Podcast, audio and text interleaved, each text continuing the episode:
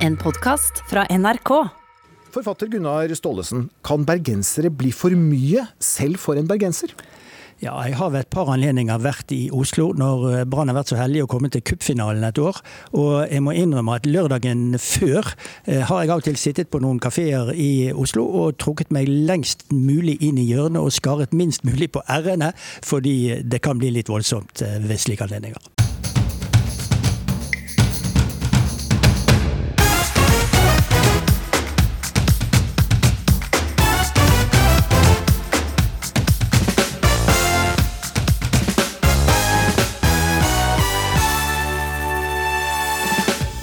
Rømningsforsøket i Danmark denne uken har satt en støkk i norske fengselsbetjenter. De frykter at det samme kan skje her. Om to dager tas leger ut i streik fordi de må jobbe for mye. Medisinstudent Emilie ville bli fastlege, men synes kravene som stilles er skremmende. Og Da er det jo egentlig kanskje mest arbeidstidene og arbeidsforholdene som har skremt meg vekk fra det. da. Og hvorfor er ikke bergenserne fra Norge, men fra Bergen? Nå har den historiske selvgodheten blitt eh, forsket på. Velkommen til ukeslutt i NRK P1 med Vidar Sem her i studio de neste to timene. Nå til en dramatisk nyhet fra Danmark denne uken. Det er eh, storstilt politiaksjon på gang i Danmark. Den drapsdømte Peter Madsen har rømt fra fengsel. Hvordan kunne drapsdømte Peter Madsen flykte fra et høyrisikofengsel? Det er spørsmålet mange stiller seg i Danmark etter et dramatisk rømningsforsøk. Der smider han noe fra seg som ligner hva vi betegner som en pistollignende gjenstand. Øh, det er vi selvfølgelig ved å undersøke. Vi tror ikke det er en pistol, men det lignet det. Ja, dette var altså fra den drapsdømte Petter Madsens fluktforsøk. Med en psykolog som gissel kom han seg ut av fengselet, en flukt som varte i rundt fem minutter før han ble innhentet av politiet. Åsle Aase, forbundsleder i Norsk fengsels- og friomsorgsforbund. Hva gikk gjennom ditt hode da du hørte om Madsens rømningsforsøk? Nei, Du blir jo eh, rimelig satt ut. Eh, for du vet jo eh, det er en av våre som er oppi noe her som ikke skal skje. Eh, det er jo alvorlig kriminalitet som retter seg mot oss. Og eh, vi vet at eh, det verste som kan skje, jobber vi for å avverge. Men det er klart, gisselaksjon og et, et, annet utfall, alvorlig skade, at man blir rett i tjenesten. altså Alt dette her går gjennom det. Du mm. vet du har folk på jobb som er der for deg og meg for å gjøre en, for å gjøre en tjeneste for samfunnet. Og, nei, og Du sier også spørsmål, selvsagt. Mm. om de har, hvordan de kunne fått tak i, fått våpen inn. Jeg skjønner at folk stiller spørsmål om det. Du fikk en skikkelig støkk? Eh, ja, du, blir, du kjenner i magen. Mm. og uh, Du går kaldt og varmt gjennom det, og du tenker på de som er oppi det. Mm. Og Nå frykter du at det samme kan skje her i Norge. Hvorfor det? Nei, altså, Vi har jo vi har hatt lignende situasjoner i Norge. Eh, så når det her dukker opp, så tenker vi tilbake på eh, de situasjonene vi har hatt. Vi jobber jo eh, for å hindre at, at det her skal skje. Nå har det jo skjedd en endring også i vår evne til å kontrollere fanger inn og ut av fengselet. Vi vet jo til den danske utviklingen med kutt i, i fengselsbetjentgruppen. Det fengselet hvor dette her skjedde, så har man kutta 30% de siste ti åra. Det betyr at det er færre folk på jobb, og det betyr at eh, vi har mindre sjanse til å følge opp, følge med, observere og kunne forebygge at sånn som det her eh, skjer. Og eh, jeg må få lov til å uttrykke en ting, at regjeringen som sitter nå, de snakker om denne alvorlige kriminaliteten som, som skjer. De snakker veldig mye om disse nye byggene de har. Men mine folk der ute som går på jobb, de forteller meg at vi er færre folk på jobb nå. Vi er mindre ute blant de innsatte. Og Derfor så mener jeg at sikkerheten i fengselet er svekka. Mm. Og Jeg må jo stille et spørsmål til Melvær. Altså, tror de på oss? Eller tror de på sånne fine statistikker som egentlig ikke har rot i virkeligheten? Ja, for Melvær er med, altså Frida Melvær. Eh, justisministeren hadde ikke mulighet, men eh, Frida Melvær, eh, du er stortingsrepresentant for Høyre og medlem av justiskomiteen. Ja, du hører Asle Aase her. Hvor sikre er vi på at norske fengsler er trygge nok? Eh, Åse løfter absolutt et veldig viktig tema som har stor, stort fokus både internt i kriminalomsorgen, men òg politisk. Det er viktig for oss at de ansatte i fengslene våre kan kjenne seg trygge når de er på jobb. At det er gode sikkerhetstiltak på plass, både på systemnivå, men òg fysiske tiltak, er viktig òg for tryggheten til den innsatte. Men hvis du opplever at det er for få mennesker på jobb til å ta hånd om eh, de innsatte, bl.a.? Ja, Utviklinga i eh, Norge og Danmark er jo litt ulik på det området. Ja, Vi tar Norge nå. Ja, I Norge så har vi en utvikling der tallet på innsatte går ned, mens tallet på faste ansatte går opp. I Danmark så har den trenden vært motsatt. Altså har Danmark færre ansatte per innsatt enn det Norge har. Eh, forholdet der er at eh, i Danmark er det ca. 70 per 100 innsatt, eller 70 ansatte per 100 innsatt. I Norge så er det siste tallet vi har tilgjengelig, viser at eh, vi har rundt 117 per 100 innsatt. I tillegg så har vi et veldig lavt eh, belegg i fengselet. Ja, vi må høre, høre med oss her. for det, altså det, hvis, ja, fordi, det, hvis, det, blir færre innsatte, hvorfor skal vi ha ja, flere altså, ansatte? Nei, nå må vi, altså vi er kjent med den danske utviklinga. Og Danmark og Sverige ligger ofte litt foran oss. Danmark har stor andel av gjenger, eh, ungdomskriminalitet. I Sverige er det utenforskap. Og Norge kommer alltid litt etter. Men Danmark, altså Norge er i ferd med å gjøre samme tabba som Danmark har gjort de siste åra. De legger ned fengsler, de mister ansatte for at det er en dropp i antall eh, dommer inn. Men vi vet at dette her snur. På et tidspunkt så kommer dommene, politiet kommer til å etterforske mer, domstolene kommer til å dømme mer, vi kommer til å få flere fanger. Det kommer til å bli verre i Norge? Ja, vi kommer, og vi mister eh, nødvendig faglærte folk som ikke får seg jobb. Fordi regjeringen her nå de er, Jeg vet at de er blitt advart fra Danmark. Ikke gjør vår eh, tabbe. Ikke legg ned disse fengslene selv om det er litt færre innsatte som dømmes og kommer i fengsel. Hold på de og hold på eh, de kompetente folka. Okay. Og vi kort, kommer til å ende der. Kort svar fra Frida Melvær her. Ja, og eh, Det som vi har lagt ned, er jo på lavere sikkerhetsnivå. På høyere sikkerhetsnivå så har vi bygd opp kapasiteten. Og den Trenden vi ser, det er at kriminaliteten blir tøffere. Flere kommer til å sone lengre dommer på høyere sikkerhetsnivå. Så færre innsatte, men farligere innsatte, da? Men, de setter inn folk, men Frida, dere setter inn folk som kan sitte på lavere sikkerhetsnivå, inn på høysikkerhetsfengsel. Nå skal det inn folk som kan sone på et åpent fengsel i Agder fengsel Froland, med et høysikkerhetsfengsel. Hvor er logikken? Det, det er, på en måte tatt La, la, la, la Melvær få snakke. Ja. Dette er vurderinger som kriminalomsorgen eh, gjør. Eh, vi har en situasjon i dag, altså Før koronakrisen kom, så hadde vi knapt nok eh, fengselskøer i, i landet vårt. Nå ser vi en utvikling pga. at vi har måttet gjort tilpasninger knyttet til smittesituasjonen med covid-19. Så har vi øker eh, soningskøene igjen. og Det er viktig at vi klarer å få dem ned igjen, sånn at vi har en god kapasitetsutnytting på rundt 90% sånn som kriminalomsorgen ønsker. Eh, det blir satt i verk flere tiltak for å få ned igjen de, de eh, soningskøene som vi nå har sett vokse under pandemien, men som heldigvis er på vei ned. Så får vi se det er viktig for den, det er viktig for den som skal sone en dom, at de får avvikle det og komme seg tilbake i samfunnet på en trygg måte. Så får vi se om Men, dette er, er, eh, godt nok. Du får ti sekunder, Åsa. Eh, ja, jeg vil bare si at Det er politiske valg som nå skjer, og det er feige politiske valg. Det er flate kutt ut i etaten og stiller oss i en helt uh, utålelig situasjon. Så er det bare snakk om for Melvær nå å legge fram 40 millioner i statsbudsjettet, så vi kan få inn kroppsskannere i fengslene og sørge for at det er nok bemanning for å ivareta sikkerheten til deg og meg, lokallag, eh, eh, nabolag og nærmiljøer. Det er det det handler om. Folk okay. på jobb.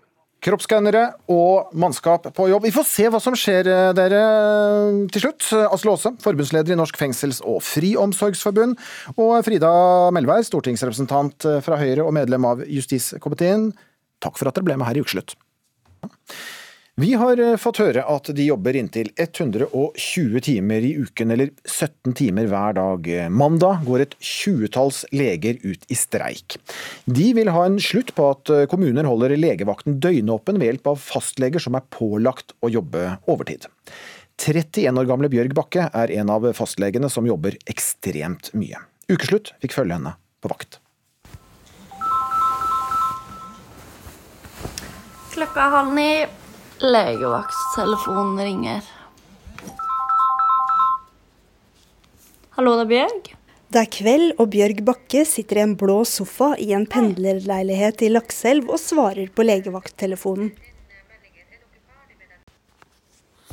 Da fikk jeg en telefon. Det var en døende pasient som trengte mer morfin. Bakke har vært på vakt i over tolv timer. Hun starta med full dag som fastlege. Nå utgjør 31-åringen Porsanger kommunes legevakt, fram til hun skal på jobb som fastlege i morgen. Mange lurer jo litt på hva jeg gjør når jeg har legevakt, så jeg ikke kan eh, gå så veldig langt eller eh, gjøre så mye. Og det blir jo en del Netflix, boklesing, kjedeeting og rydding. Men denne kvelden blir det ikke tid til verken film eller rydding. OK, nå gikk akkurat alarmen. Lege svarer. Sentrale brystsmerter opp mot høyre. Den akuttmedisinske kommunikasjonssentralen AMK ringer om en innbygger med foruroligende symptomer. Eh, Skal legen være med utover? Lege er over. Utafor er det minusgrader, så Bjørg Bakke tar på vintertøy før ambulansen kommer og henter henne. Finnmark 03 mottatt fra lege over. Fra førstkommende mandag blir leger i fem byer tatt ut i streik. Legene krevde i årets lønnsoppgjør at fastlegene ikke kan pålegges å jobbe mer enn sju timer på legevakt eller 28 timer i beredskapsvakt, i tillegg til full jobb per uke. Det uføret som disse legene eh, står i i dag, er jo kommet nettopp fordi kommunene har en blankofullmakt til å pålegge de ubegrenset antall timer legevakt.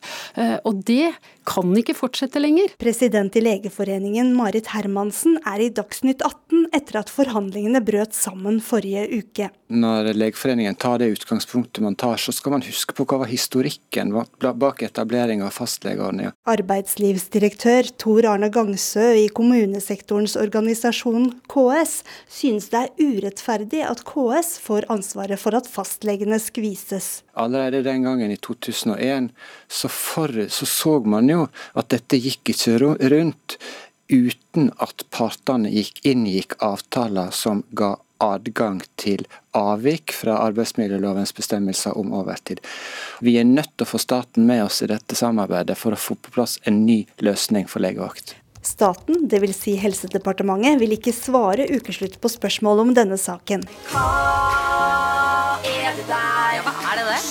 Ikke labsvar på røntgen. Legelivet kaller. Medisinstudentene i Tromsø lagde i fjor en humoristisk video om at de skulle ta alt som ventet dem på strak arm. Hvorfor er det da så vanskelig å bemanne fastlegejobber? Mitt utgangspunkt er at jeg egentlig gikk inn på medisinstudiet med tanke om at jeg hadde lyst til å bli fastlege. Emilie Nesje er ferdig utdanna lege i 2022. Det har gått litt vekk fra den tanken. Og da er det jo egentlig kanskje mest arbeidstidene og arbeidsforholdene som har skremt meg vekk fra det. da. Og også det her med familieliv. da, at uh, Hvis man jobber til åtte-ni uh, på kveldene, det er ikke så hyggelig å komme hjem da til eventuelt barn. Uh, man vet jo måte, før man starter på et, på et studie som dette at det kommer til å bli mye jobb. Emil Åkvåg utelukker ikke at han kan bli fastlege når studiene er tilbakelagt i 2022, men det må kanskje bli på et større tettsted hvor legevakten har egen bemanning. Ja, jeg tenker jo litt at det må man finne ut av selv, hvor mye man har lyst til å jobbe. Og noen vil jobbe veldig mye og, og leve litt for, for, jobben sin og for, for legeyrket, mens andre er jo veldig fornøyd med å balansere det og, og ha en helt, en helt ålreit jobb som, som, lege sammen med, med, et liv ved siden av. Og Du tenkte kanskje du skulle ha et liv ved siden av? Jeg har jo veldig lyst til det. Eh, og så endrer jo på en måte ting seg. og eh, ja, blir familie og sånn etter hvert, som man jo har lyst til å bruke tid på. Jeg har i hvert fall veldig lyst til det. Til syvende og sist så handler dette om hvilken tjeneste pasientene eller befolkningen skal få når de blir akutt syk eller får en akutt skade. Jesper Blinkenberg leder Nasjonalt kompetansesenter for legevaktmedisin. Blinkenberg og kollegene har regna seg fram til at én av ti fastleger som jobber i legevakt, jobber over 90 timer per uke. Vi i NKLM er opptatt av at befolkningen skal få gode helsetjenester ved akutt sykdom. Og hvis du kommer til legevakten med f.eks. nyrestensanfall, så vil du komme til en lege som er på jobb, og ikke en som har pålagt overtid og allerede kanskje har jobbet eh, 56 timer den uken.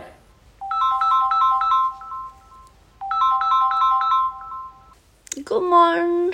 Bjørg Bakke svarer på legevakttelefonen fra senga. Hun fikk sove noen timer. Det som venter meg nå, er en full dag på kontoret før jeg eh, endelig er fri. Bakke er en av tre fastleger som pendler fra Oslo til Lakselv for å bemanne fastlegekontor og legevakt. 31-åringen er på jobb fra 50 til 120 timer per uke, og legger ikke skjul på at Lakselvs befolkning har henne til låns. Når man tenker på at eh, 80% av medisinstudentene er kvinner, og hvordan skal man legge til rette for at man kan føde barn, sånn som Erna vil at vi skal gjøre. Man skal ha en god karriere, og man skal klare å gjøre jobben sin på en best mulig måte. Det, altså, jeg får det rett og slett ikke til å gå opp, det regnestykket.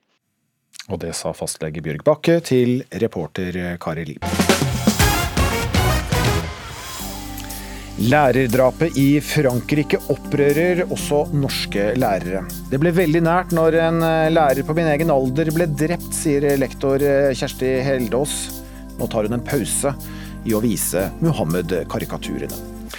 Og møt en av Norges største kunstsamlere, sammen med han som stjal sitt favorittmaleri. Lidenskapen for kunst deler de begge to i ukeslutt om litt.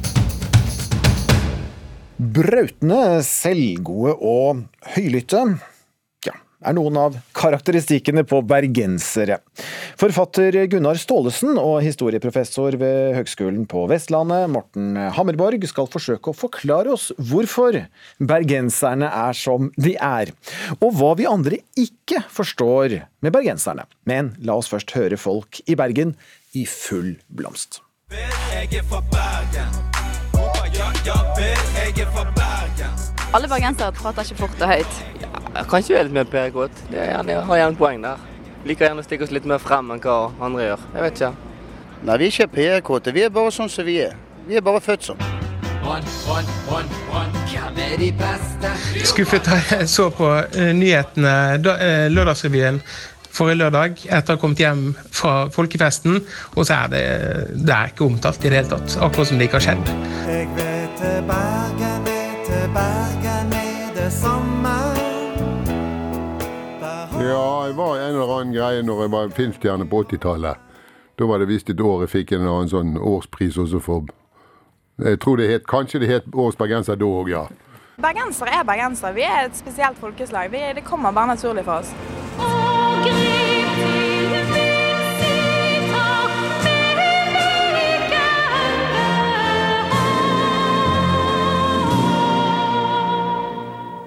Og selvfølgelig, nystemten må med. Vi er et spesielt folkeslag, sa en bergenser her. Og um, historieprofessor og bergenser Morten Hammerborg, er det god selvinnsikt i det vi hørte? Tja, jeg tror ikke kanskje selvinnsikt er det som dyrkes mest intenst her i byen. Men, eh, men ideen om at vi er noe for oss sjøl, den står uhyre sterkt i Bergen. Det er en, det er en verdi for Bergen. Eh, og mye av det vi hørte her, det er jo sånne ting som har gjort meg nysgjerrig, både som bergenser og som historiker. Hvordan oppsto dette? Altså, hva er opprinnelsen til det? Går det an å gi en rimelig forklaring på at du befolkningen i Norges nest største by, når de skal skryte, så understreker de ikke fra Norge, men fra Bergen. Mm. Og spørsmålet, altså hva er det med bergenserne, det forsøker du å svare på i en uh, ny bok. Uh, bergenseren. Ja, hva kjennetegner en uh, erkebergenser? Ja, det, det, det, er det verste spørsmålet som går an på. For, du fikk det. Jo, takk. takk. hyggelig. altså, den heter 'Bergenseren en historisk analyse', som er undertittelen. Og Eh, Det tar utgangspunkt i at det finnes sterke forestillinger i og utenfor Bergen om hva som kjennetegner bergenserne. Og så leter jeg i historien etter en slags opprinnelse til dette. Altså, et grunnleggende premiss for hvordan vi tenker i Bergen, det hviler på vår fortidige storhet. Altså I 700 år så er byen størst. Det er en kosmopolitisk handelsby som ser mot fisken i nord og markedene i Europa. Ikke eh, ligger mellom sine syv fjell. Eh, Kristiania er en irrelevant by for Bergen. Eh, Og den er da soleklart størst i Norge i 700 år. Og så kommer 1814. Bergens annus horribilis.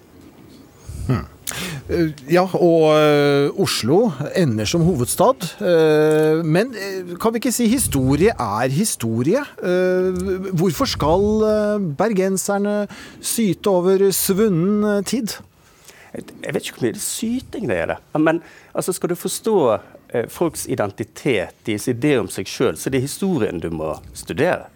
Ehm, og, og det som du nevnte også innledningsvis, at det er noe dere ikke forstår. Og det er at vi er klar over at eh, vi holder på med dette. Men det er ikke alltid like forståelig for alle utenfor, tror jeg. Vi skal få inn en til bergenser. Jeg vet ikke om du kaller, eh, kaller han for erkebergenser, men eh, forfatter Gunnar Staalesen, eh, du har i hvert fall blitt kåret til årets bergenser. Jeg får høre med deg, da. Er det Bergenssangen eller Ja, vi elsker som er viktigst for bergenseren? Ja, det er jo et godt spørsmål. Nå må jo jeg med en gang si at jeg er førstegenerasjons bergenser. Jeg har en far fra Haugesund og en mor fra Fredrikstad, så i Bergen blir jeg bare regnet som turist foreløpig.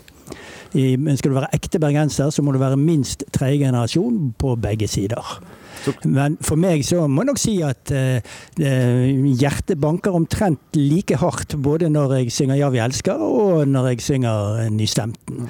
Men eh, jeg tror også det som særpreger Bergen, er at det er vel ingen andre steder i landet der de har en bysang som folk tar så høytidelig at de reiser seg med en gang de første strofene spilles opp. Og til og med Hans Majestet reiser seg når de spiller Bergenssangen i Krighallen under festspillåpningen. Og det betyr mye for bergenserne? Det betyr veldig mye. Du eh, sier at du er første generasjon bergenser og, og ja, kan kanskje ha litt kritisk selvinnsikt. Hva vet jeg, Gunnar Staalesen, men hva er det verste med bergenseren, syns du? Nei, jeg har Ved et par anledninger har jeg vært i eh, Oslo når eh, Brann har eh, kommet til cupfinalen. Og ved de anledningene så må jeg nok si at jeg har satt meg langt inn i et mørkt hjørne av restauranten og skarret minst mulig på ærene. For det er noe med det litt voldsomme patriotiske som bergenserne spiller ut ved slike anledninger. Men det man ikke alltid vet på Østlandet og andre steder i landet, er at det er faktisk en ganske stort element av selvironi i dette. Altså Vi liker å være litt bajaser. Men ironien altså, hva er det vi andre ikke forstår med bergenserne, Morten Hammerborg? Ja, altså, eh, Et eget kapittel i boken er viet den bergenske ironi, for dette syns jeg er vanskelig å sette ord på. Du skal prøve kort her nå? Jeg skal er virkelig prøve iherdig. La oss prøve det med å starte med det mest bergenske utsagnet jeg kan tenke meg. Nemlig da tidligere ordfører Knut Skjønneland i høy alder ble spurt tror de på et liv efter døden, herr Skjønneland. Og så svarer Knut Skjønneland jeg forestiller meg himmelen som et slags Bergen. Ja, altså, det er, hvis, hvis da man leser dette som ren overflate, som at dette er en mann som svarer i fullt og dypeste alvor, så er det ikke rart at man får inntrykk av at bergensere ikke er helt riktig skrudd sammen. Eh, eller når Alf H. Madsen, pressesekretær for eh, Festspillene i 1990, blir intervjuet av Aftenposten, eh, og tilsynelatende midt i intervjuet sier helt uprovosert til journalisten Vet De forresten at Bergen var en kulturby lenge før verden oppsto? Og Aftenposten setter på trykket eh, overskriften 'Bergen oppfant kulturen'. Um, og Da er det ikke rart at man da på deres side av fjellet ser og hører dette. Og så som Gunnar nevnte, at dere litt for sjelden dessverre får besøk av horder med Brann-supportere til Ullevål med cupfinalen. Og det er inntrykket av det bergenske. Men enhver bergenser vil vite at når Kjønneland sier sånne ting som 'Jeg forestiller meg himmelen som et slags Bergen', så greier han å være tidig, vittig. Det er ekstremt viktig i Bergen. Samtidig som han hyller Bergen og understreker at han elsker det alt på denne jord. Og det er den det er en slags, altså Sjølironi blir jo ofte forstått som noe som liksom unnskylder eller eh, mildner noe. Men den bergenske sjølironi, i motsetning til vestlandsironien, som er liksom infam og punkterer det pompøse med få ord, så er den bergenske ironien det er overdrivelsen. Det er liksom det å overdrive alt hva Bergen er for noe. Eh, det, den, altså selv Guds himmel kan bare gjøre seg håp om å ligne på å være et slags Bergen. Mm. Og, det, og dette har vi litt vanskelig for å forstå, vi som er kommer fra Oslo. eh, Gunnar Sollesen. Ja, men det er også noe med at Bergen er et landskap, og det er et veldig tett landskap. Den gamle Bergen by er en relativt liten by. Den ligger mellom ca. syv fjell. Vi skal ikke ta den diskusjonen om hvor mange fjell det egentlig er. Eh, Og bergenseren er jo kjent, eller Bergen er jo kjent utenfor byen som en by der det regner veldig mye. Og det bryr ikke bergensere seg om i det hele tatt, for i Bergen så er begeistringen veldig lett å tenne. Og hvis vi får to-tre soldager på rad, så har vi glemt alle de 30 dagene når det regnet før det. Og dette med begeistring er det som jeg trekker ofte frem med bergenseren, fordi følelsene er veldig sterke i denne byen. I Bergen finnes det ingen gyllen middelvei. Enten er du veldig imot eller veldig for. Engasjement i Bergen. Men Gunnar Stollesen helt til slutt her. Er det ikke på tide nå å forsone seg med at Oslo er Norges hovedstad, og at Bergen er en by, og kun en by i dette landet med rundt 280 000 innbyggere? Jo, altså Jeg personlig må si jeg er veldig glad for at Bergen ikke ble hovedstad i 1814. Det er på mange måter mye mer behagelig å være litt på distansert avstand til eh, hovedstaden og kunne kritisere den litt. Og som det da heter litt eh, foraktfullt i den bergenske bykomedien, der de omtaler en sentral skurkerolle i forestillingen, det er jo doktor Wulfsberg fra Østlandet, legger man til. Halshuggingen av den franske læreren Samuel Paty forrige helg har opprørt langt utenfor Frankrikes grenser. Han hadde tidligere fått trusler etter å ha vist Mohammed-karikaturer i en time om ytringsfrihet. Diskusjonen går blant lærerne, også her hjemme, om de bør fortsette å vise de omstridte karikaturtegningene. Kjersti Heldås, du er lektor på Nøtterøy videregående skole. Hvordan reagerte du på drapet på Paty?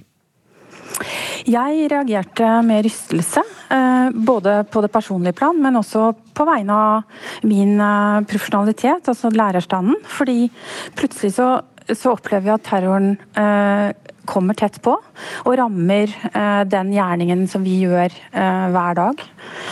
Underviser bl.a. om ytringsfrihet.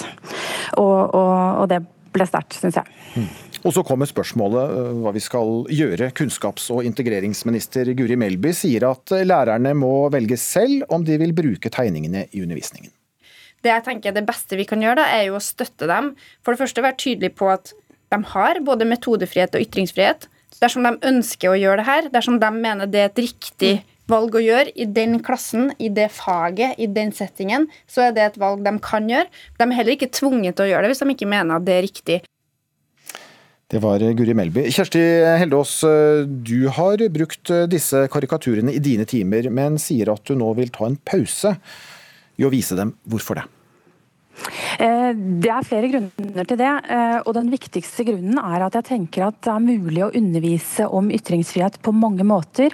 Eh, Og jeg eh, tenker jo at ytringsfrihet er liksom en del av ryggmargen i norsk skole. Og i mine to fag, som samfunnskunnskap og norsk, så underviser jeg på ulike måter om, om eh, ytringsfrihet.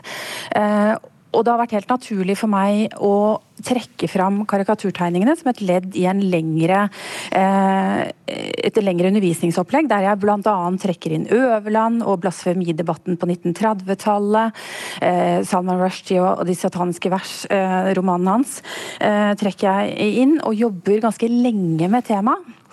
Og da er det noe med at det er ikke nødvendigvis nødvendig å vise de tegningene eh, som, for å få fram det poenget eh, som er viktig. Og det viktige poenget er jo at vi kan eh, karikere, og vi kan kritisere, og vi kan eh, kommentere og jobbe med eh, ytringer som, som utfordrer eh, ytringsfriheten. Altså Mm. yttergrensen av ytter, ytringsfriheten. Men ligger det en grad av frykt her også, fra din side? Umiddelbart så, så får man jo litt sånn ekkel følelse eh, når en kollega blir drept eh, som følge av, eh, av noe vi, gjør, vi alle gjør i klasserommet. Eh, og det er jo sammenlignbart. Eh, samtidig så vet vi at Norge er et annet samfunn. Eh, men vi vet jo aldri, fordi eh, som, det som skjedde i Frankrike, var jo at, at eh, det var jo ikke det som skjedde i klasserommet som var problemet, men, men det som skjedde på sosiale medier etterpå utenfor klasserommet, der vi mister kontrollen. Det har jeg tenkt litt på.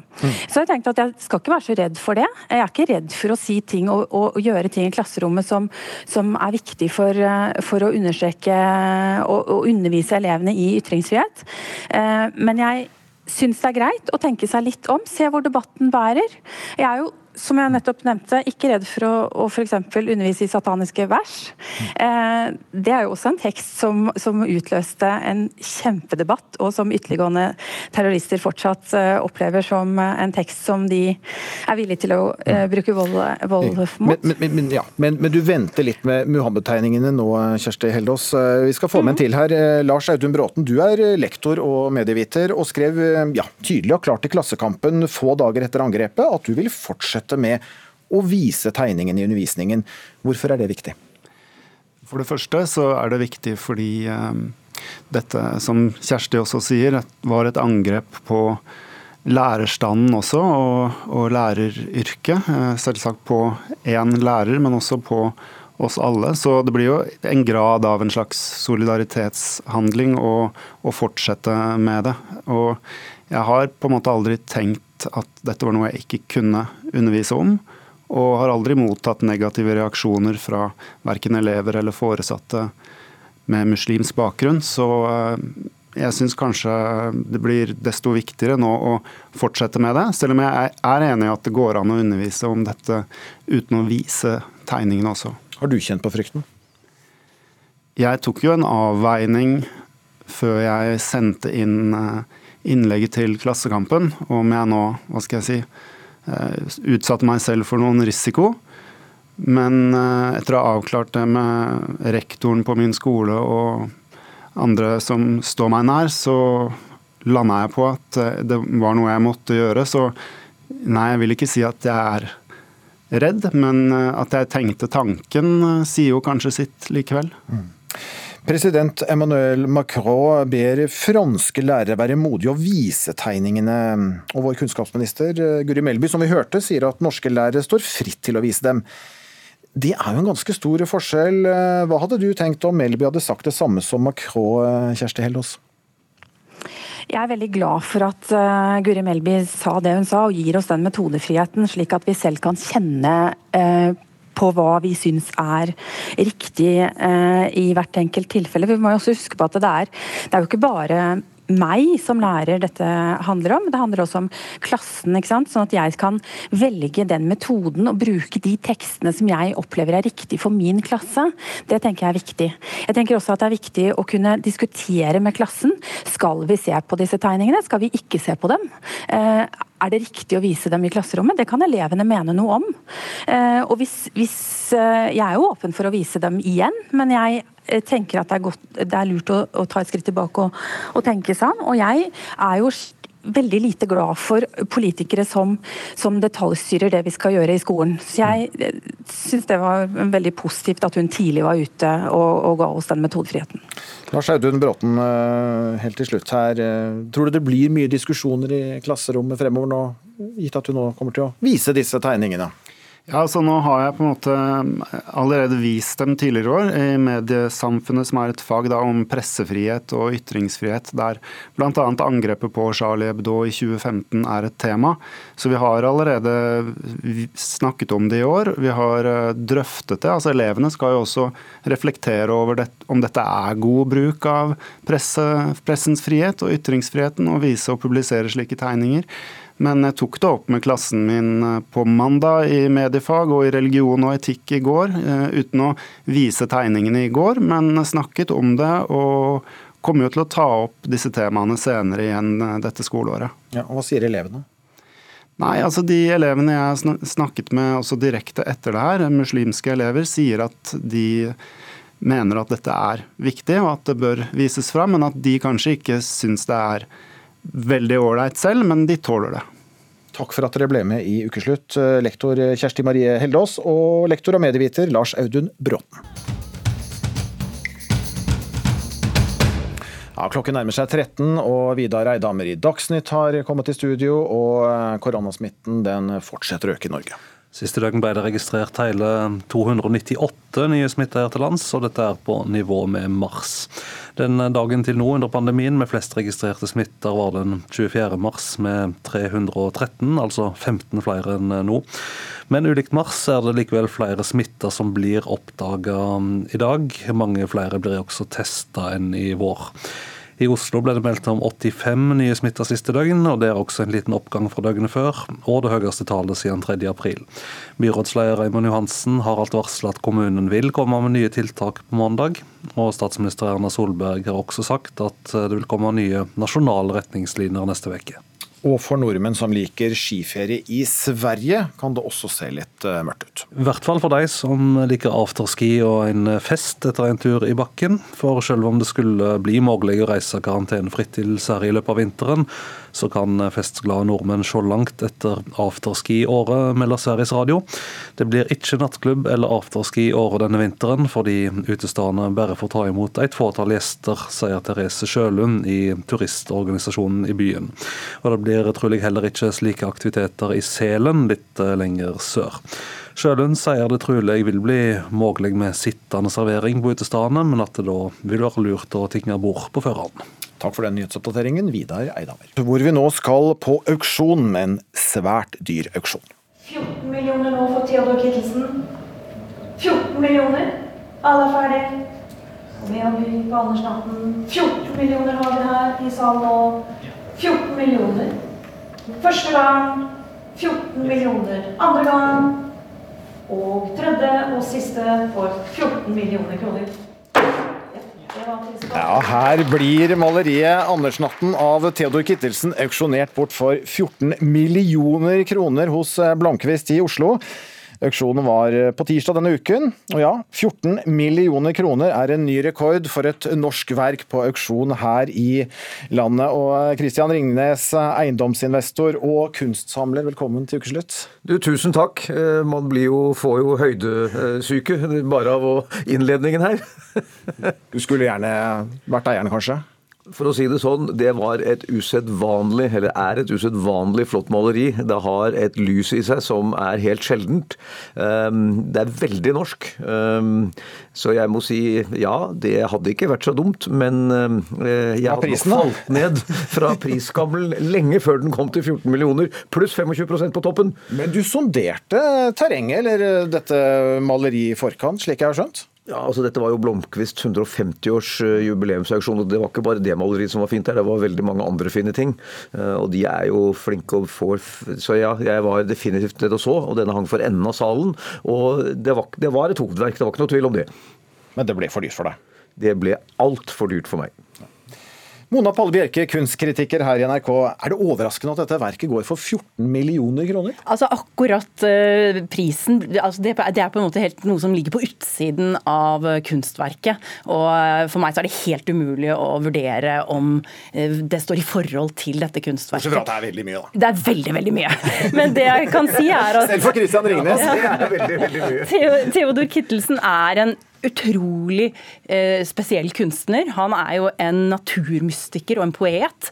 Altså en symbolist som dikter seg inn i det som vi kanskje kan si en gang var den norske folkesjelen. Vi må jo tro at folkesjelen har utviklet seg og utvidet seg, kanskje fremfor alt. Og, men han er jo en som sant, maner frem naturkreftene.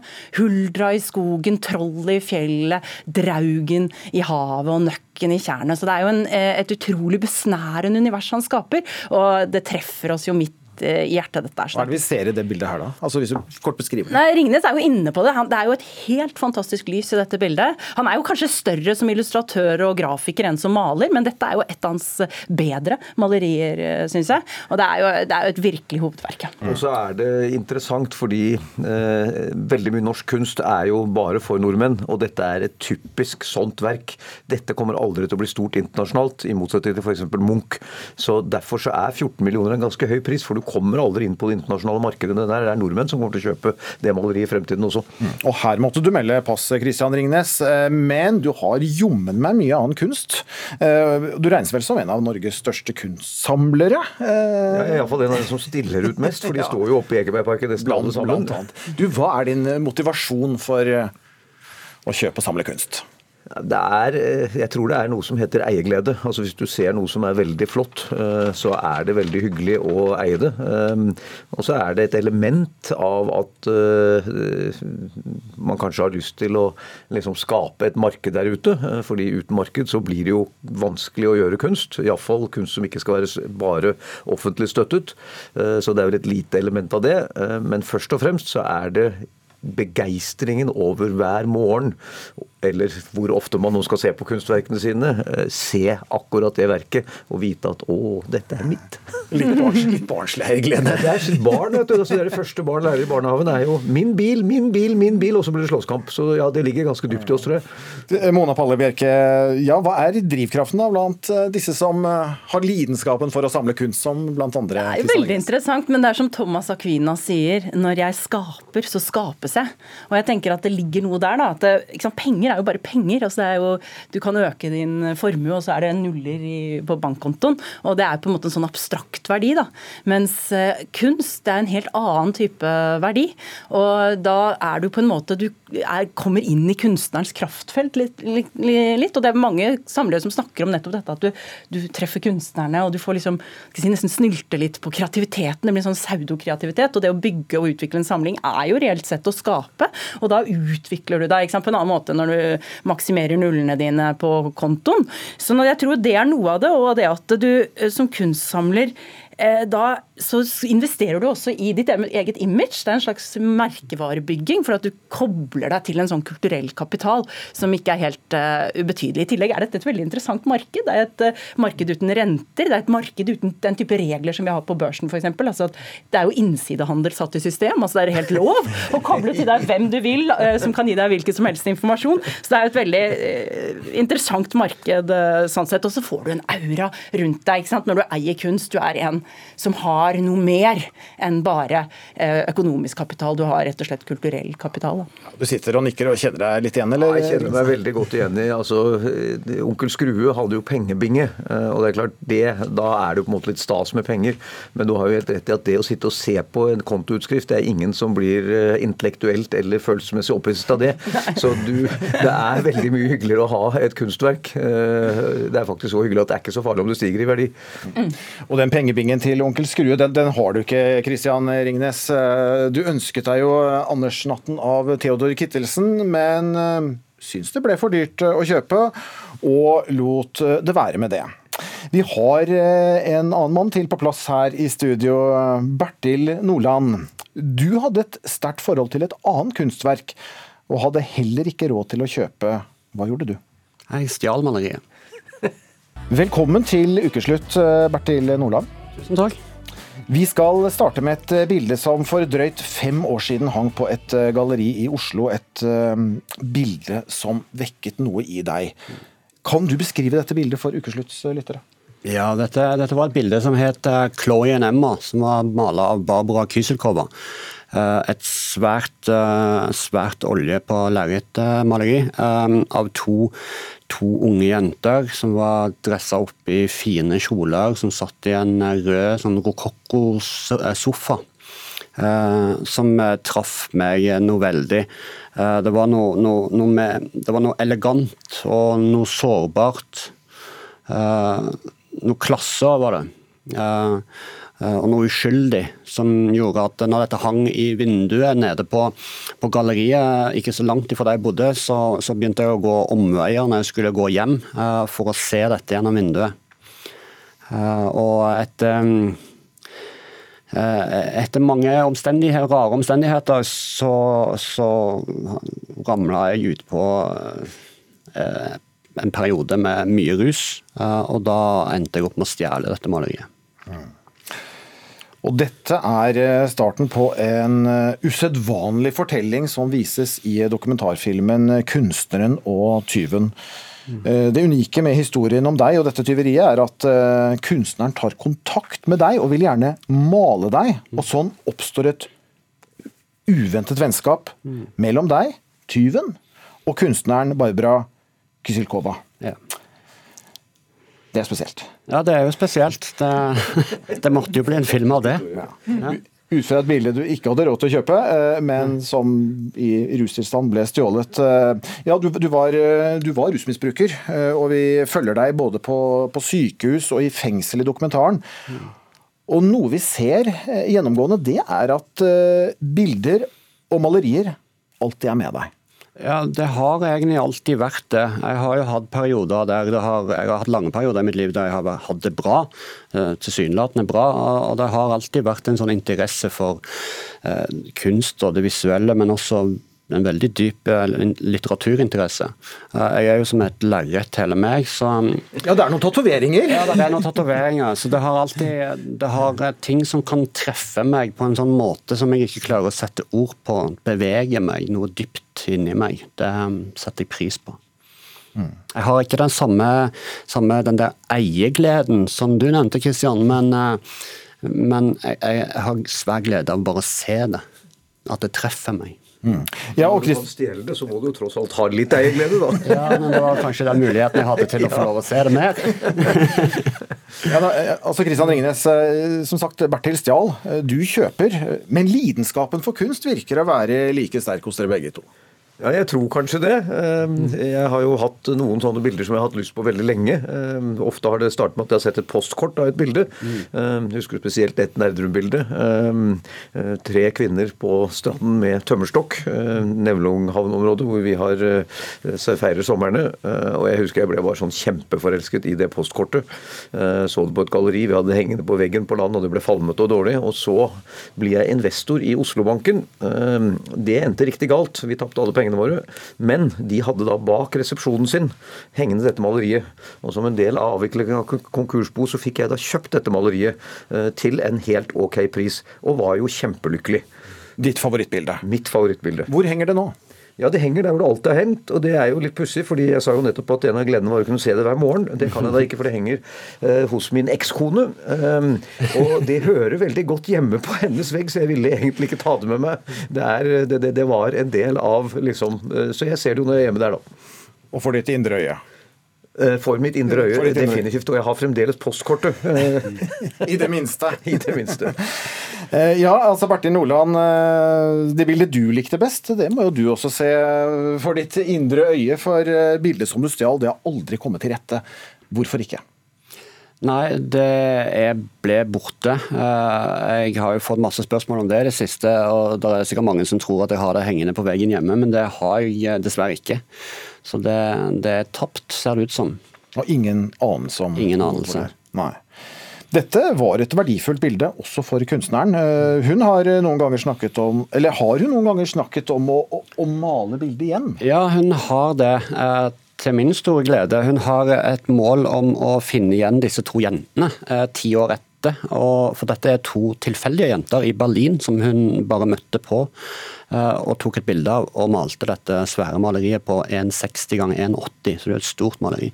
Så hun har lyst til å finne disse igjen, få malt de i samme sofaen og, og, og lage en, en, en reproduksjon av dette. da. Men denne gangen kjøper du bildet hvis du har råd. Ja, vet du hva, Det skal jeg jobbe hardt for å få til, altså. Hvis ikke Kristian Ringnes, da kommer deg i forkjøpet. Ja, nei, det var Denne historien er så god at man blir ekstra fenget. Takk for at dere ble med i Ukeslutt og delte altså lidenskapen for kunst. Eh, Kunstsamler Kristian Ringnes og Bertil Nordland, som også ble dømt for kunsttyveri. Og vi hørte også vår kunstkritiker Mona Palle Bjerke. Kjært barn har eh, mange navn, sies det, men hvor kjærlig er de politiske kallenavnene? Fremskrittspartiets leder Siv Jensen forsøkte forrige helg å gi sine politiske motstandere nye navn. Noen vil si hun aper etter USAs president. Det betyr det, Trygve, at du skal i forhandlinger med What's your name? What's your name? Vingle-Jonas, Ulve Audun, Bompengeland. My name's Lion Ted Cruz. Jeg sier jeg kaller deg for elskede, kaller deg for sweet baby girl. Kaller deg for noe du ikke har blitt kalt før. What's your name? Vingle-Jonas. Crooked Hillary. Crooked Hillary, Papa. Kommunist-Bjørnar. Jeg sier elskede, kaller deg for sweet baby girl. Kaller deg for dronning Mrs. Rock my world. What's your name? What's your name? Vingle-Jonas, Bompengelan og Kommunist-Bjørnar var noen av kallenavnene som Siv Jensen brukte under FrPs landsmøte. Og Berit Aalborg, politisk redaktør i Vårt Land, hvordan syns du Siv Jensen lykkes med sine kallenavn? Altså, for å si det sånn, så lykkes jo, hun, hun, hun, lykkes jo på en måte fordi at hun får nok Senterpartivelgerne til å tenke på akkurat disse sakene. Så på den måten lykkes hun. Men jeg syns ikke det er så gunstig i den politiske debatten, rett og slett. Fordi det er en sånn eh, Jeg vil ikke akkurat si at det er mobbing, men det er en Jeg skrev jo på kommentarplass i Vårt Land at 'liker du mobbesiv' som begrep, Siv Jensen? For jeg syns ikke det er liksom Jeg syns ikke det er bra å drive og kalle folk på den måten. Jeg føler, tenker at det er liksom polariserende over det nærmer det seg mobbing, da? Ja, jeg syns det gjør det. Og det er klart at noen av de navnene er kanskje ikke så farlige. Uh, Ulve-Audun er kanskje ikke så ille som, som Vingle-Jonas, for det er jo en karakteristikk av han som person. Så det vil nok henge mye mer med. Men det, de driver, altså det Trump gjør i USA, er jo ganske alvorlig. Han, han mobber jo bl.a. Biden fordi han stammer. ikke sant? Sleepy Joe og JJJ Biden er jo sånne Det er mobbebegrep, da. Så det ligger jo litt sånn på grensa til det. Og så, så hadde jo Siv Jensen også hun hadde det på storskjerm, sånn at alle skulle huske det. har blitt uh, inspirert? Ja, det tror jeg hun har. Kjell Terje Ringdal, eh, førstelektor i eh, retorikk ved Høgskolen Kristiania. Du mener Jensens kallenavn ikke kan karakteriseres som mobbing. Hvorfor ikke? Nei, Vi er nok inne i en sånn definisjonsdiskusjon her. Hvor drøyt er det, hvor slemt er det? Er det mobbing, eller er det erting? Eh, jeg blir ikke sånn veldig sjokkert av eh, de begrepene som sådan. Eh, men jeg ser at det er en språklig tendens og en politikerdebatt-tendens som har kommet sterkere og sterkere fra USA, og en viss mann som har etablert denne måten å snakke på. Og det er definitivt ikke bra. Men da jeg ble spurt om dette her av dere, så begynte jeg å tenke kan dette være startskuddet til en diskusjon om hvordan politikerne faktisk flytter budskap? Hvordan viktige samfunnsområder og viktige politikkområder faktisk blir formidlet på en måte som folk forstår. Og, og, som Berit også sier, at uh, hun hadde et behov for å snakke til Senterpartiets velgere. Så brukte hun her et formspråk. Hun fargela språket sitt på en måte som gjorde at uh, hun fikk fram poenget. Og det er der jeg tenker at vi kan ha en samtale. For jeg mener jo at norske politikere stort sett snakker dårlig. Stort sett så høres det ut som en NOU, og det er mye det er mye tørre begreper, og man er veldig tilbakeholden, stort sett, med å fargelegge og gjøre språket sitt frodig. For det tror jeg man kan jobbe med. Er Vingle-Jonas eh, ja, er det et eh, godt begrep? Nei, det er jo liksom sånn halvkjipt. Eh, så vi kan godt fortsette å diskutere det. Men dette konkret så tror jeg at vi, vi tåler nok det. Eh, men jeg tror at en bedre diskusjon er hvordan kan norsk politikk, når vi hører partilederne, hvordan kan de formulere seg på en måte som gjør at folk blir inspirert til å løse de store spørsmålene. For det er jo det vi snakker om. Vi står overfor enorme problemstillinger i verden. Eh, miljø, altså hele klimadebatten, om hvordan vi samarbeider, om hvordan vi skaper gode samfunn. Og da må vi også snakke om gode språk. Ja, og Det er vel viktig Berit Aalborg, å få folk eh, engasjert. Og, man kan jo kanskje kalle dette her sånne halvmorsomme karakteristikker eh, som Siv Jensen kom med, for å skape et engasjement, da. Ja da, og jeg tror det er veldig viktig at politikere prøver å engasjere folk og snakke på lettvinte måter. Men det som jeg var litt opptatt av, er at det er en del av dette som også har nådd ungdom og skolegårder. Eh, og, og det syns jeg er litt alvorlig. ikke sant? Vi vet jo uh, at f.eks. jøde og homo er uttrykk som er de, de, de kallenavnene som blir brukt mest blant ungdom. Og Hvis du liksom putter noen sånne så navn etter det, så får du fort noen kallenavn som noen må leve med i norske skolegårder. Og jeg tror faktisk at Bjørnar Moxnes tåler veldig godt å bli kalt uh, kommunist-Bjørnar, men det er ikke sikkert det er like morsomt å bli kalt for liksom homo-Jan fordi at man er homo homofil. Sånn at det er noe med å tenke litt på liksom effekten av hva man driver på med, tenker jeg. Kjell Terje Ringdal, eh, sitter du på en godbit av et kallenavn da, til noen av våre politikere som eh, deres politiske motstandere ikke har vært kreative nok til å ta i bruk? Jeg har ikke stemt Senterpartiet noen gang, men eh, jeg er imponert av hvordan Senterpartiet som skal si, politisk forteller har klart å lage én stor fortelling eh, som man bruker som grunnlag for alle i alle debatter. Framført av en mann som er kul og morsom og har en trillende latter. Altså kombinasjonen av en god politisk forankring og en formidlingsevne. Så Sånn sett så kan vi godt eh, kåre eh, Slagsvold Vedum til forteller-Vedum. Forteller-Vedum, ja. Takk for at dere ble med i Ukeslutt. Vårt Land, Berit. Og Retorikk-Kjell. Der er vi. Eller Berit Aalborg og Kjell Terje Ringdal, som dere heter. For fem år siden ble mangemillionær Reidar Osen bortført midt i Bergen. Nå skal han snart stå ansikt til ansikt med dem politiet mener står bak. Men jeg skal se han inn i øynene og skal si han hva jeg mener om hvor en feig usling de har vært, altså. Og Norges tidsminister Iselin Nybø beklaget denne uken at klokken skal stilles tilbake i natt. Men hva var det hun egentlig beklaget? Svar får du om noen minutter her i Ukeslutt.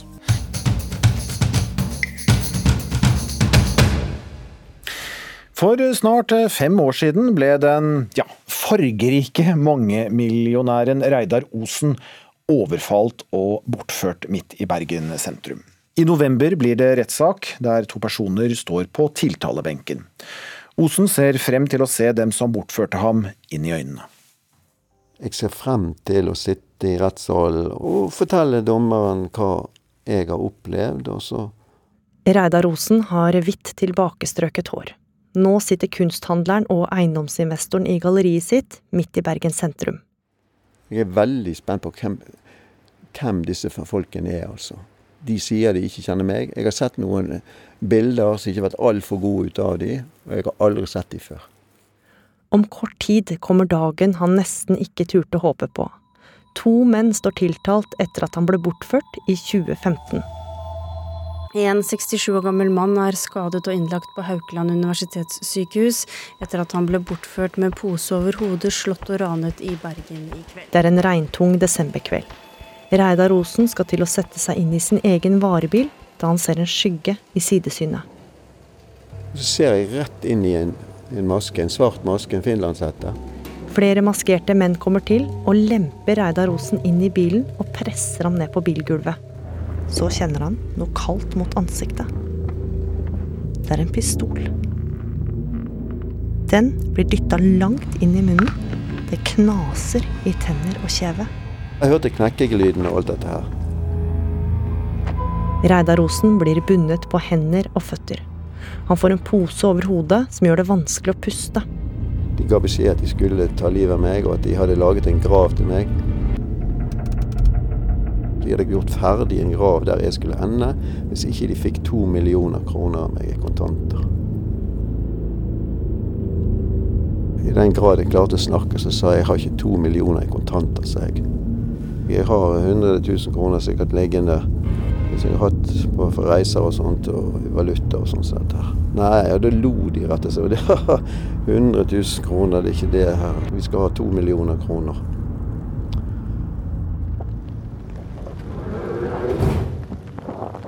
Kidnapperne drar Reidar Olsen ut av bilen og ned en skråning.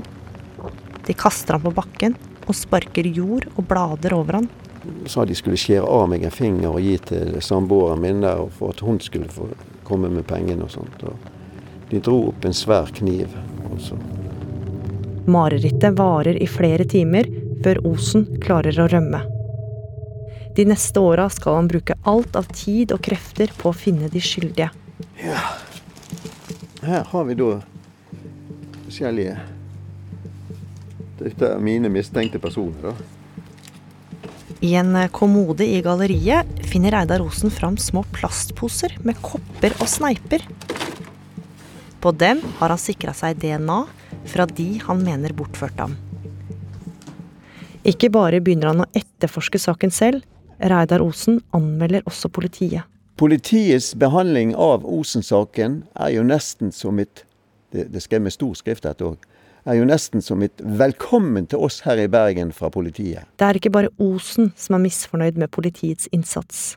Det er også politietterforsker Kenneth Berg, som varsler i saken. Det som var utfordrende med Osen-saken, det var det at han fikk ingen mannskapsressurser. I den dimensjon en slik alvorlig kidnappingssak behøver. Berg mener spor ikke ble fulgt opp, og at mye etterforskning gjenstår. Etter hvert som jeg har sittet alene med denne saken, etter hvert som jeg vurderer saken, etter hvert alle de årene jeg har vært der på voldsseksjonen over tolv år, så må jeg si at jeg, jeg, jeg er sterkt forundret over måten denne saken er blitt behandlet på. Eh, Jeg føler at det sitter noe i veggene i politihuset overfor han. For det skal gå flere år før politiet er på sporet av dem de mener står bak. Timingen var litt uheldig. Dette var eh, midt i eh, skiftet mellom de to gamle politidistriktene og starten på eh, politireform. Politimester i Vest politidistrikt, Kåre Songstad. Hva slags rykte har Reidar Osen her på huset? Det var et litt rart spørsmål. Eh, Reidar Osen har vært eh, fornærmet i en veldig alvorlig sak. Og, og, og eh, den har vi jobbet mye med. Eh, og eh, nå skal den snart i, i, i retten. Jeg tror ikke han har noe spesielt rykte her på huset, men han er i hvert fall kjent som en person som, som eh, virkelig har stått på i sin egen sak i, i, i disse årene som har gått. Hvor hadde denne saken vært dersom Reidar Osen ikke stadig rykka ut i mediene, eller dersom Kenneth Berg ikke hadde varsla? Hadde den da blitt henlagt og stappa i en skuff? Jeg skulle gjerne sagt at eh, den type aktivitet fra en fornærmet i straffesak eh, egentlig ikke burde ha noen betydning. Eh, fordi eh, det er saken i seg selv eh, som skal få den riktige oppmerksomhet, helt uavhengig av om du har med en aktiv eller mindre aktiv fornærmet å gjøre. Eh, Men så er ikke virkeligheten sånn. Det er klart at den oppmerksomheten som saken har fått, både gjennom eh, varslingssaken og også pressepågang, den har hatt betydning for vurderingene våre av hvordan vi skal, skal agere. Eh, Og det, det der er et tankekors. Reidar Osen selv ser fram til rettssaken. Men jeg skal se han inn i øynene og skal si han hva jeg mener om hvor en feig usling de har vært, altså. Og mer om denne saken kan du høre i dokumentaren 'Bortført i Bergen' i podkasten Hele historien, og i appen NRK Radio. Reporter var Gry Veiby. I natt så skal klokken igjen stilles, og med det blir sommertid til vintertid. Denne uken gikk vår egen tidsminister ut og beklaget at vi skulle stille klokken tilbake. 2020 har vært et vanskelig år eh, for mange. Nå er det min oppgave som tidsminister å si at dessverre så blir det enda en time lenger. Natt til søndag så må vi stille klokka én time tilbake. Ja, Iselin Nybø, du er nærings- og tidsminister her i landet. Ja, hva var det du ville beklage? Altså, 2020 har vært et eh, traurig år eh, for mange av oss. Og det at det blir enda en eh, time til, det syns jeg var på sin plass. Beklager. Okay. En lite sånn humoristisk eh, tilsnitt der må vel være lov òg fra en statsråd. tenker Ikke sant. jeg. Se å få kommet oss raskest mulig inn i 2021. Men eh, Iselin Nybø, det har jo for så vidt vært snakket lenge om å, å droppe dette med å, å stille klokken frem og tilbake. Eh, EU har jo bl.a. gått inn for eh, det, men, men foreløpig har ikke noe skjedd. Er det på tide å faktisk la være å stille klokken? Altså, det er riktig som du sier. Altså, EU har, eh, har stemt over et forslag i fjor i parlamentet. Men så er det sånn at rådet det har ennå ikke funnet tid til å behandle saken. Så vi venter fortsatt på at EU skal ta en beslutning, og så må vi eh, se det litt an etter at EU har vurdert dette. Men hvis eh, det blir slik, da, hva ville du gått for da? Sommer- eller vintertid? Ah, jeg eh, jeg syns jo sommertid og det å ha de der lange, lyse kveldene er jo det beste. Men her er det mange meninger om saken. Det har jeg funnet ut, ikke minst denne uka. Ja, for du har fått mye reaksjoner på den lille artige videoen din. Ja, og dette er noe som engasjerer mange. Mange blir engasjerte fordi de opplever at eh, ungene har problemer med å forholde seg til denne tidsforskjellen. Andre er bare engasjerte fordi det er en, ja, en morsom ting å engasjere, eh, engasjere seg i. Så der er det forskjell. Mm. Du kom også med noen gode tips i Facebook-videoen eh, for å få en ekstra time til å gå. La oss høre. Du kan f.eks. gjøre klar kostyme til halloween. Spille inn en eh, TikTok-video. Du kan f.eks. strikke ferdig julegavene. Du kan f.eks. lære deg yoga. Eller Øve deg på å få popkorn i ei bøtte. Tja, Hva skal du gjøre da med den ekstra timen, Iselin Nybø? Jeg skal jobbe, eh, men de aller fleste vil vel velge å sove litt lenger hvis de har muligheten til det i morgen tidlig. Ja, det vil jeg tro. Eh, Du rekker kanskje ikke så mye yoga og, og strikke julegave på, på en time, men du, hva er ditt beste tips da for å stille klokker som ikke gjør det automatisk eh, på best mulig måte? Jeg tror jeg bruker det samme tipset som veldig mange andre, at du må stille klokka mot sommeren. Det betyr at eh, i natt så må vi stille klokka én time tilbake, siden sommeren ligger bak oss. Du, Takk for at du ble med i Ukeslutt, da, næringsminister og også da tidsminister Iselin Nybø. Ja, Vi må gjøre det igjen i natt, altså. Stille klokken, og det er vel klokken tre i natt at eh, klokken da stilles én time tilbake. Ansvarlig for eh, sendingen, eh, det har vært Filip Johannesborg. Det tekniske ansvaret har Frode Thorshaug hatt. Jeg heter Vidar Sem, ønsker dere alle en fortsatt riktig god helg.